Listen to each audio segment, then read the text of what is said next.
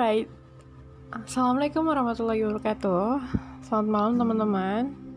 Ha, by the way BTW By the way Aku um, Ya hari ini baru bisa Bikin podcast lagi.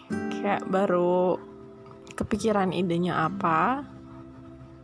Udah lama banget juga Puasa karena Menyelesaikan kewajiban kuliah dulu. Yang alhamdulillah sudah terlunasi. Dan sekarang udah bisa balik konten-konten lagi insyaallah. Nah um, di kesempatan malam ini karena tadi ketiduran sore-sore dan malam jadi bisa melek banget on banget. Nah aku kepikiran untuk uh, cerita mungkin ini sharing aja kali ya sama kalian.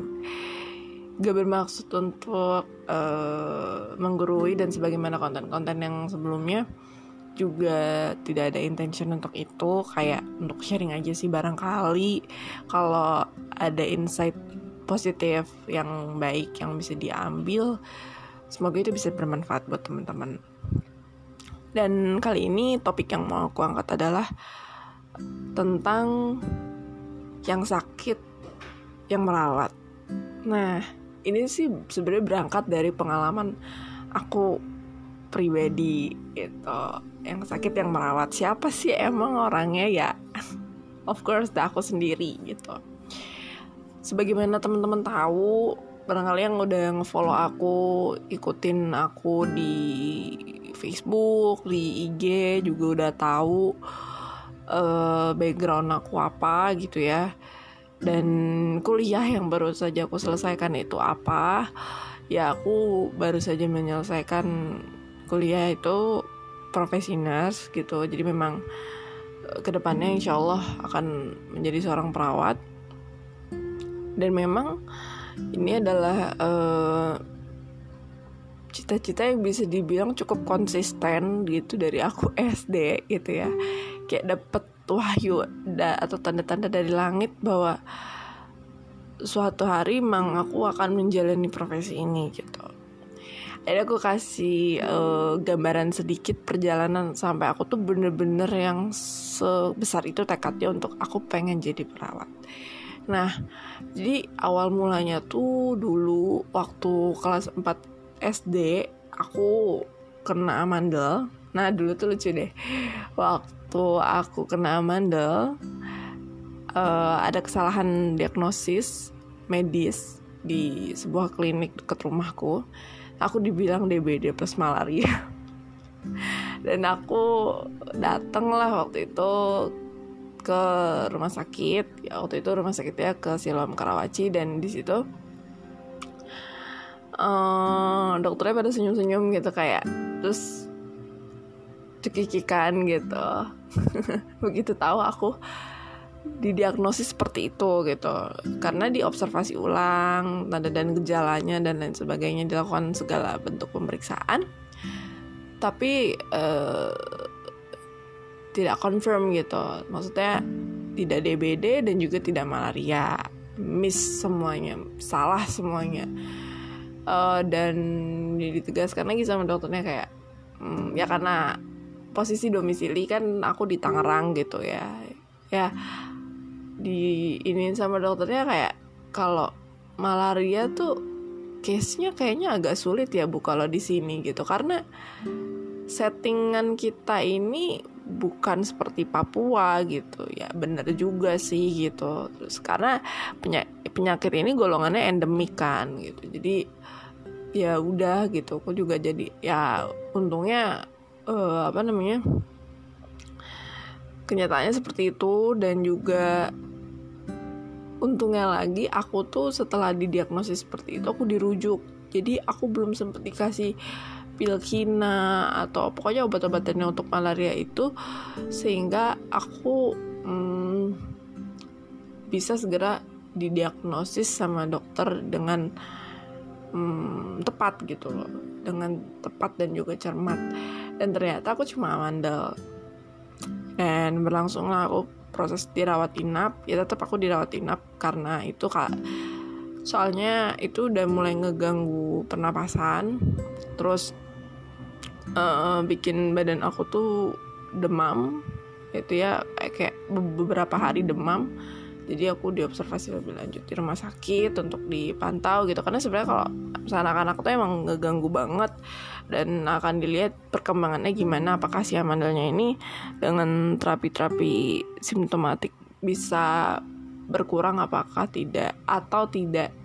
Nah berangkat dari pengalaman itu terus ada satu kejadian unik gitu yang mana uh, aku di kamar itu waktu itu pindah dari kelas 3 ke kelas 2 kelas 2 deh kalau nggak salah ya oh, kelas 1 ya? Kelas 3 ke kelas 1 sorry. Kelas 3 ke kelas 1 nah terus um, posisi bedku kebetulan berhadapan langsung dengan AC dan itu tuh dingin banget waktu itu. Kalau AC rumah sakit kan karena emang udah di setting di range suhu tertentu jadi kita nggak bisa minta seenaknya untuk berubah gitu. Karena mereka juga punya pertimbangannya um, untuk sirkulasi udara dan lain sebagainya gitu. Terus uh, um, karena aku kedinginan gitu akhirnya ngompol lah tuh dan uh, saat itu mama papa kerja mama papa kerja gitu posisinya. Waktu itu paginya aku bangun tidur aku ngompol siangnya mama datang gitu. Siangnya mama datang nah pas pagi ketahuan sama susternya gitu uh, sama perawatnya aku diketawain lagi gitu. Tapi uh, aku nggak uh, no hard feeling sama sekali sih saat itu. Kayak ya, ya kita jadi ketawa bareng gitu. Karena aku juga ngerasa kayak ya ampun kayak gini aja aku ngompol gitu ya. Terus um, dan beliau tuh ramah banget gitu. Beliau tuh udah kayak kakak atau bahkan ibu aku sendiri gitu. Karena setelah itu habis itu uh, bilang uh, yaudah habis ini kita beresin bareng ya gitu. Kita uh, ganti celananya sama ganti spraynya kayak gitu gitu beliau lembut banget gentle banget dan aku nggak diomelin.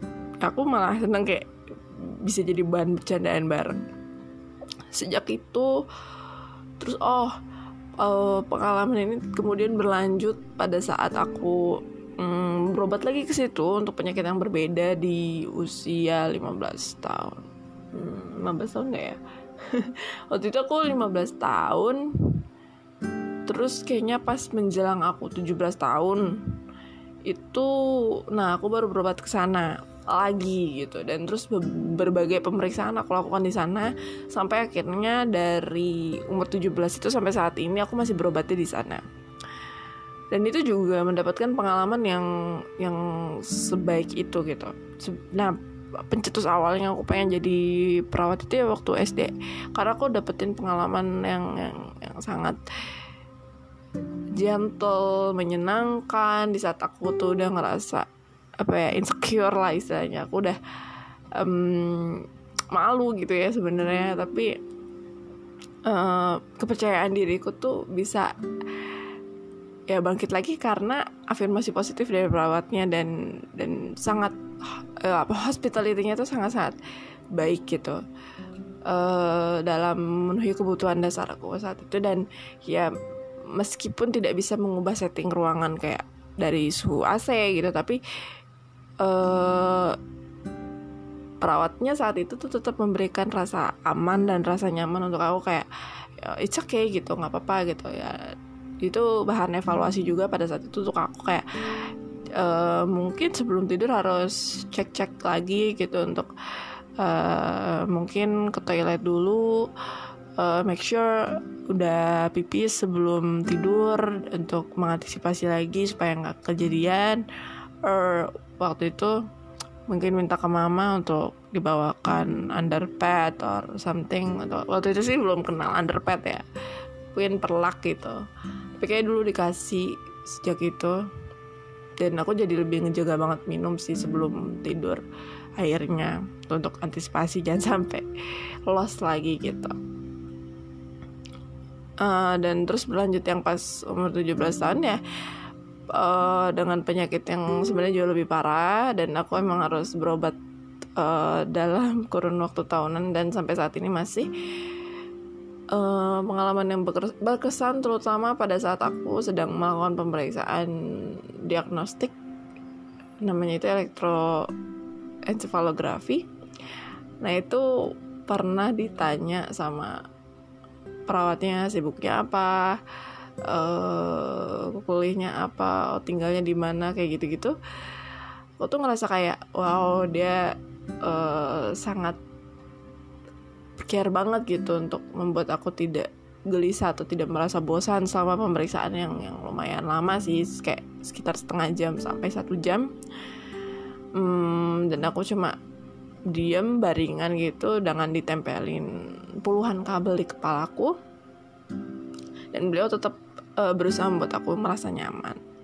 Waktu aku DBD juga itu yang sebelum aku masuk kuliah uh, sama perawatnya ini banget. Bahkan yang aku inget itu kalau misalnya aku mondar mandir ke toilet itu agak-agak dimarahin sih gitu. Sebenarnya agak-agak dijudesin gitu. Karena ya aku sebenarnya harusnya banyakin bed rest gitu. Karena kan trombosit aku drop banget dan takutnya aku jatuh perdarahan bleeding shock di saat itu aku belum tahu tentang uh, prognosisnya uh, si demam berdarah tuh apa gitu. Kayak ya taunya trombosit rendah gitu. Tapi aku waktu itu belum tahu se seserius itu bahayanya. Kalau misalnya sampai aku uh, salah-salah kepleset karena aku juga kondisinya saat itu ya sempoyongan dan lain sebagainya.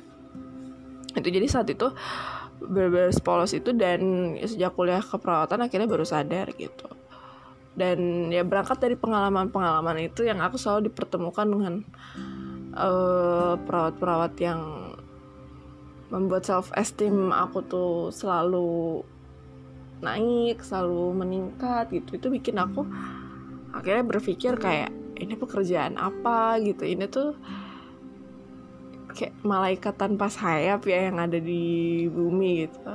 Um, pengen deh jadi kayak gitu akhirnya aku putuskan untuk cobalah ya gitu coba. Dan dulu waktu SMA tuh aku juga akhirnya jadi fokus gitu untuk um, pokoknya gimana caranya aku pengen jadi perawat. Padahal padahal aku udah uh, punya sakit yang cukup parah itu dari sejak umur 15 tahun.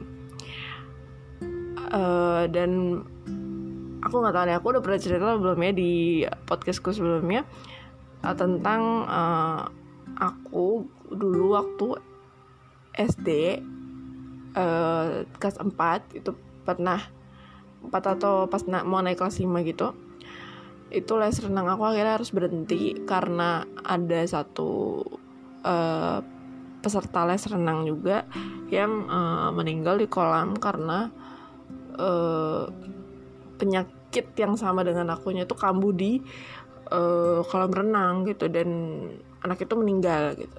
Setelah itu begitu tahu kabar itu aku ngedumel gitu dalam hati kayak hmm, gara-gara anak ini nih gitu gue jadi nggak bisa lanjut tes renang guru gue kocar kacir ke mana-mana gitu. Dan gue nggak tahu sampai kapan ini akan jadi gitu. Dan itu uh, bener-bener gak ada kegiatan tes renang kalau nggak salah tuh selama 2 tahun ya.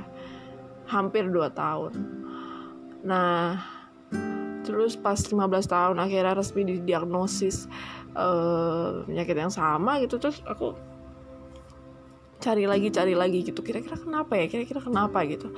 Kayak kalau uh, genetik tuh udah nggak masuk dan lain sebagainya gitu. Terus aku mikir oh apa jangan-jangan dulu gitu ya waktu aku uh, ngedumel itu dan akhirnya itu kayak anak panah yang berbalik ke diri aku sendiri.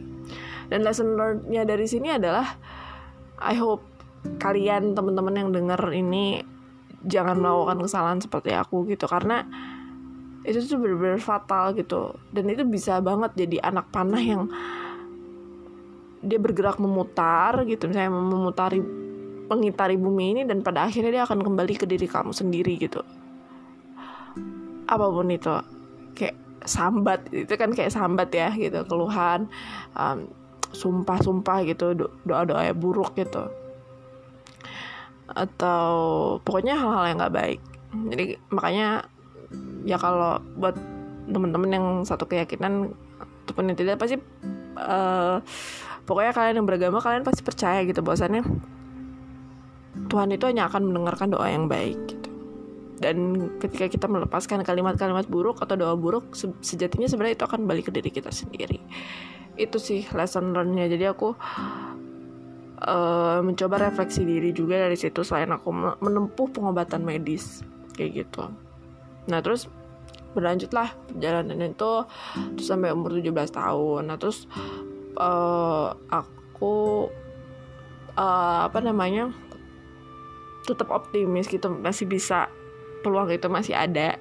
Jadi emang dari kelas 10 tuh udah aku pengen IPA uh, peminatannya terus uh, memperhatikan betul grafik nilai raport. Aku berharap bahwa bisa masuk undangan gitu. Aku aku bakalan fight sekuat tenaga di uh, tiga tahun itu aku sekolah. Terus udah kelas 11 aku tempuh belajar seininya gitu. Kelas 12 lebih lagi dan bersyukurnya di puncaknya di kelas 12 tuh banyak banget guru-guru yang uh, cocok di aku gitu. Jadi itu sangat-sangat membantu aku banget untuk bisa elevate uh, nilai aku jauh dibanding dua tahun sebelumnya.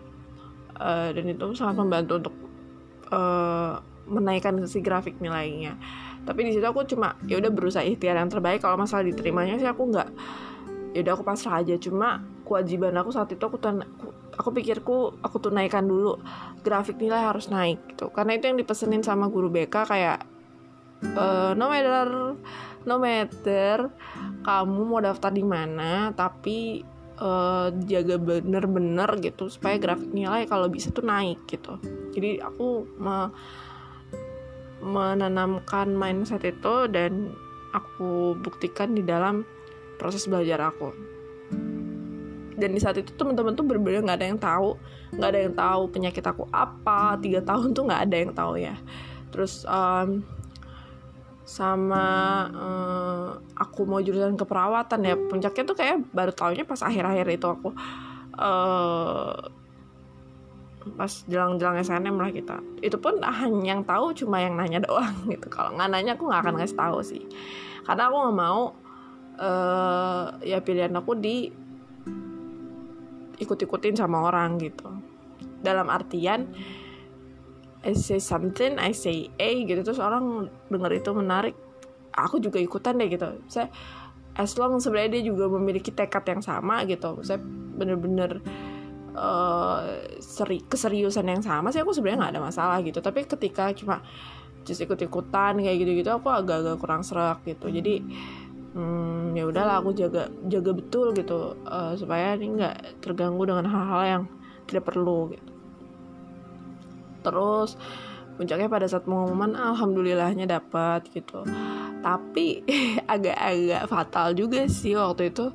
Karena aku cuma jatuhin satu satu pilihan itu aja. Bahkan untuk universitas yang uh, berada domisilinya di SMA di mana aku sekolah itu ya, di Banten sana itu di Serang aku nggak milih gitu. Aku nggak naruh itu. Bener-bener aku cuma satu perguruan tinggi dan satu jurusan dah gitu. Karena aku emang pengennya itu aku nggak mau ke yang lain-lain. Aku cuma mau itu gitu. Dan bener-bener baru kali itu tuh sepresisi itu dan akhirnya aku mikir lagi gitu uh, gila ya gitu. Aku udah sakit gitu. Tapi aku dikasih kesempatan untuk kuliah di jurusan yang bahkan kata dokter sarafku gitu karena kita satu alma mater. Uh, habis itu aku pas udah diterima tuh aku cerita uh, dok saya masuk ini saya mau kuliah di sini gini gini gini gini ah, seriously? gitu. Dia sampai nggak percaya gitu karena uh, dia sendiri tahu gitu bahwasannya jurusan yang aku pilih tuh beban beban kuliahnya tuh mirip-mirip kayak uh, profesi sebelah gitu. Tapi um, aku yakinin sama dokternya kayak uh, saya udah pengen kuliah di sini dari lama dok gitu. Saya udah pengennya dari SD malah ya. Saya minta doanya aja semoga saya nggak kumat-kumat sama uh, kuliah saya menikmati saya enjoy dengan perjalanan yang akan saya tempuh kayak gitu-gitu. Dan oke okay, good luck gitu akhirnya dokternya dia, dia sempat ragu gitu karena ya aku sih uh, mencoba untuk memahami karena beliau pasti lebih tahu tentang kondisi pasiennya dan uh, melihat dari most of patientnya dia yang yang mungkin uh, memiliki keterbatasan dalam uh, apa namanya fisik dalam menempuh entah itu pendidikan pekerjaan gitu ya. Uh, sehingga membuat dia um, bertanya gitu. Uh, mencoba untuk memvalidasi apakah aku mampu gitu.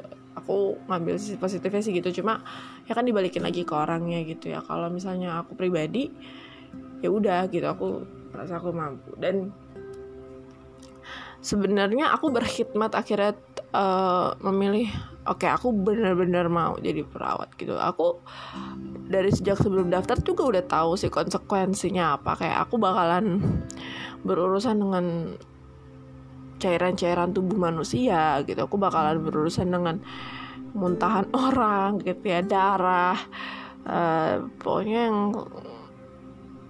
uh, hal-hal seperti itu untuk pemeriksaan dan lain sebagainya kayak gitu untuk kebaikan pasien untuk mengetahui perkembangan kondisi kesehatannya dan lain sebagainya. Dan aku mikir kayak itu hal yang baik gitu. Dan aku nggak tahu dengan pekerjaan apa aku bisa mendapatkan kesempatan seperti itu di mana uh, aku bekerja sambil aku mengumpulkan uh, kalau aku bilang pahala aku kayaknya sombong banget gitu ya. Tapi mungkin bibit-bibit pahala gitu dari situ kebaikan-kebaikan dan juga insight tentang kehidupan. Banyak banget banyak banget hikmah kehidupan yang bisa aku dapatkan dengan aku bekerja sebagai perawat.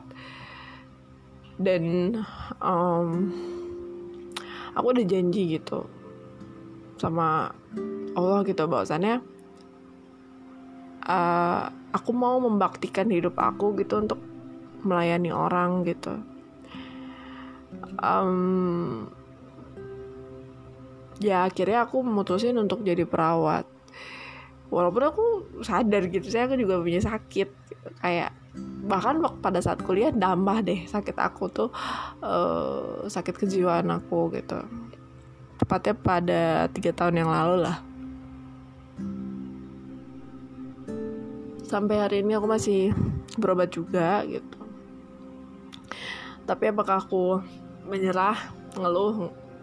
Nggak gitu kalau berat berat tapi terus aku mikir lagi kayak um, ya justru dengan penyakit penyakit itu aku tuh terdorong untuk aku nggak boleh dikasihanin gitu.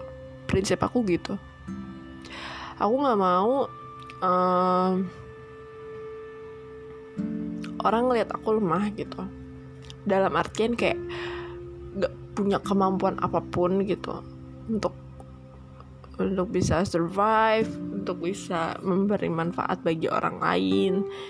Nggak mau gitu. Ya aku sadar di sisi yang lain aku ada kelemahan ini dan itu pasti gitu. Karena ya biar gimana pun aku juga manusia. Cuma gak pengen kalau dengan penyakit ini tuh menjadi alasan kemudian aku tidak produktif gitu. Dan justru aku merasa bahwasannya dengan sakit itu tuh itu trigger untuk aku menjadi produktif aku selalu memasang mindset seperti itu.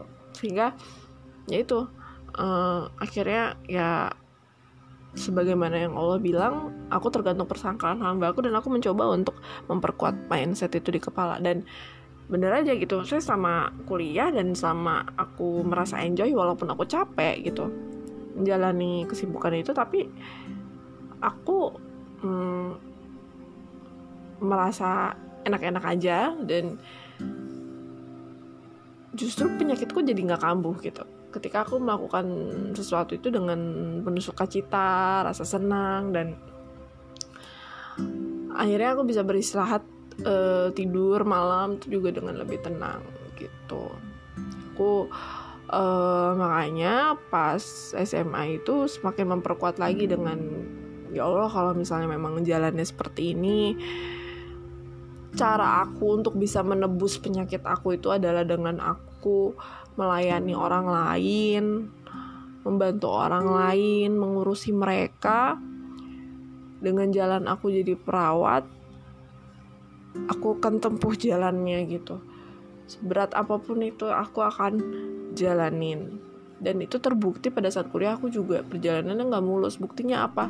Pernah extend ya kan, extend skripsi yaitu sakit yang uh, kejiwaan itu. Tapi untungnya nggak ngambil cuti dan tetap jalanin kuliahnya berobatnya juga tetap jalan. Dan sampai kira profesi ini kemarin sakitku kumat lagi gitu yang kejiwaan itu. Dan sempat aku uh, mengambil libur enam hari itu juga udah diganti akhirnya. Tapi lucunya di semester ini di mana ada sakitku yang dengan rentang waktu selama itu grafik nilainya malah lebih baik di semester ini dibanding yang sebelumnya gitu. Ya aku sampai keheranan sendiri kayak bisa nggak logis gini ya gitu. Tapi dari situ aku belajar dari semua pengalaman itu aku belajar aku aku tuh cuma nggak boleh berhenti gitu. Dan sama halnya dengan teman-teman. Banyak banget hal yang nggak logis dalam hidup kita yang bisa terjadi kayak keberhasilan dan kegagalan tuh sering kali justru terjadi berawal dari hal-hal yang gak logis teman-teman. Persoalannya tuh cuma ada di seberapa besar tekad kita. Seberapa kuat kita berusaha untuk mendekatkan diri sama yang di atas gitu. Karena seberapapun usaha kita mau kita jumpalitan dari subuh sampai malam kalau misalnya Tuhan gak berkehendak untuk kita tuh rasanya rasanya gitu ya. Rasanya semua akan sia-sia gitu. Tapi ketika kita mengandalkan yang di atas justru ketika kita melakukan sedikit aja tuh cahaya-cahaya asik uh, apa namanya ilham-ilham ke keberhasilan tuh akan lebih mudah gitu untuk nampak. Dan ini juga yang bikin aku percaya bahwa fa inna ma'al usri yusra inna ma'al usri yusra tuh bener adanya gitu. Pada saat aku sakit itu udah dikasih lumayan lama kayak hampir 2 tahun dan pada saat aku kelas 3 SMA itu itu juga aku baru nemuin dokter yang pas obat yang pas. Sampai penyakitku tuh udah kekambuhannya udah menurun drastis itu tuh pas kelas 3 puncaknya tuh di situ gitu kayak coba kalau misalnya dulu pas kelas 10 kelas 11 aku tuh aku karena masih sama dokter yang yang nggak cocok itu terus aku nyerah gitu. Mungkin aku nggak akan sampai di titik itu di mana aku bisa nemuin dokter yang cocok akhirnya nemuin obat yang cocok akhirnya dan finally apa yang aku pengen gitu kuliah di jurusan yang aku pengen di kampus yang aku pengen itu akhirnya bisa tercapai. Aku nyerah. Kalau aku ngedengerin kata orang pada saat itu bahwa kayaknya fisik aku tuh gak kuat dan lain sebagainya ya aku akan stuck gitu di situ. Tapi aku memutuskan untuk enggak enggak kalau misalnya Allah bilang iya kalau misalnya Allah tuh udah kasih jalan Allah kabulin berarti aku bisa berarti aku bisa. Aku nggak peduli mau seribu orang pun bilang aku nggak bisa. Tapi kalau Allah yang kasih jalan ya aku yakin akan jadi lebih mudah gitu. Jadi sejak itu sejak aku diterima itu akhirnya aku bilang aku sakit tapi aku memutuskan untuk merawat orang aku sakit tapi aku memutuskan bahwa di sisa hidup aku aku akan terus merawat orang lain. Untuk menebus rasa sakit aku. Untuk membuat diri aku merasa berharga dengan sesuatu yang bisa aku lakukan untuk menyambung kehidupan orang lain. Menenun cerita hidup mereka yang lebih baik dari sisi kesehatannya berkontribusi sedikit untuk mereka. Akhirnya dari situlah berangkat kisah yang sakit yang merawat. Dan sampai hari ini tidak ada penyesalan atas keputusan itu karena um, justru lebih banyak kemudian-kemudian yang aku dapatkan setelah aku berkhidmat dan aku janji sama Allah untuk seperti itu aku bilang menebus penyakit aku dengan merawat orang lain. Gak logis kan? Misalnya kan kalau apa mau sembuh dari sakit mungkin cara manusiawi kita adalah kita mikirnya berobat. Tapi aku memutuskan untuk mungkin jatuhnya menempuh jalannya tuh sedekah. Tapi aku berusaha untuk mendiversifikasi dan memperluas uh, definisi sedekah itu. Sedekah dari berbagai aspek yang aku mampu gitu. Untuk bisa menyembuhkan penyakit aku. Jadi buat teman-teman juga yang mungkin punya sakit yang menahun atau yang masih belum bisa reda sampai sekarang bisa mencoba cara ini sedekah apa pun yang bisa teman-teman sedekahkan entah itu ilmu entah itu harta lakukan. Dan dengan penuh keikhlasan. Maksudnya apa gitu? Soal sembuhnya kita jangan nuntut ya Allah aku pengen sembuhnya uh, besok mungkin ya Allah gitu atau minggu depan bulan depan jangan. Kayak ya Allah engkau tahu persis apa yang aku butuhkan. Dan aku sedekahkan ini di jalanmu dan semoga engkau ridho. Biar Allah ridho dulu nanti Allah akan cukupkan apa yang kita butuhin. Percaya deh. Bahkan termasuk untuk menyembuhkan penyakit itu. Gampang. Itu tuh udah kayak satu kedipan mata itu tuh gampang banget. Ya. Jadi semoga buat temen-temen apa pun kesulitan hidupnya percaya deh bahwa yaitu bersama kesulitan tuh ada kemudahan. Jadi justru kemudahan itu ada ketika datang kesulitannya. Itu tuh harus kita yakinin banget dan jangan kita menghindari kesulitan karena justru kita akan mendapat kemudahan ketika kesulitan itu datang. Terus uh, apa pun ujian hidup yang kita dapetin jangan pernah berhenti berbuat baik sama orang. Karena kita nggak tahu boleh jadi dari apa yang kita lakukan sama orang lain kebaikan-kebaikan yang bahkan kita anggap receh itu itu yang kemudian bisa mengangkat kita dari kesulitan hidup yang kita rasakan saat ini. Entah itu diri kita sendiri aja atau mungkin juga ada di antara keluarga kita pula gitu dan sahabat-sahabat kita dan lain sebagainya. Mungkin itu ya teman-teman. Um, terima kasih karena kalian udah mau dengerin. Mungkin um, ini sedikit pengalaman aja dari aku yang bisa menambah uh, sudut pandang kalian gitu. Semoga ada inspirasi yang bisa diambil ada nilai-nilai positif yang bisa diambil dan apa pun itu yang lagi kalian hadapi apa pun itu yang lagi kalian perjuangkan semoga Tuhan kuatkan langkah kalian.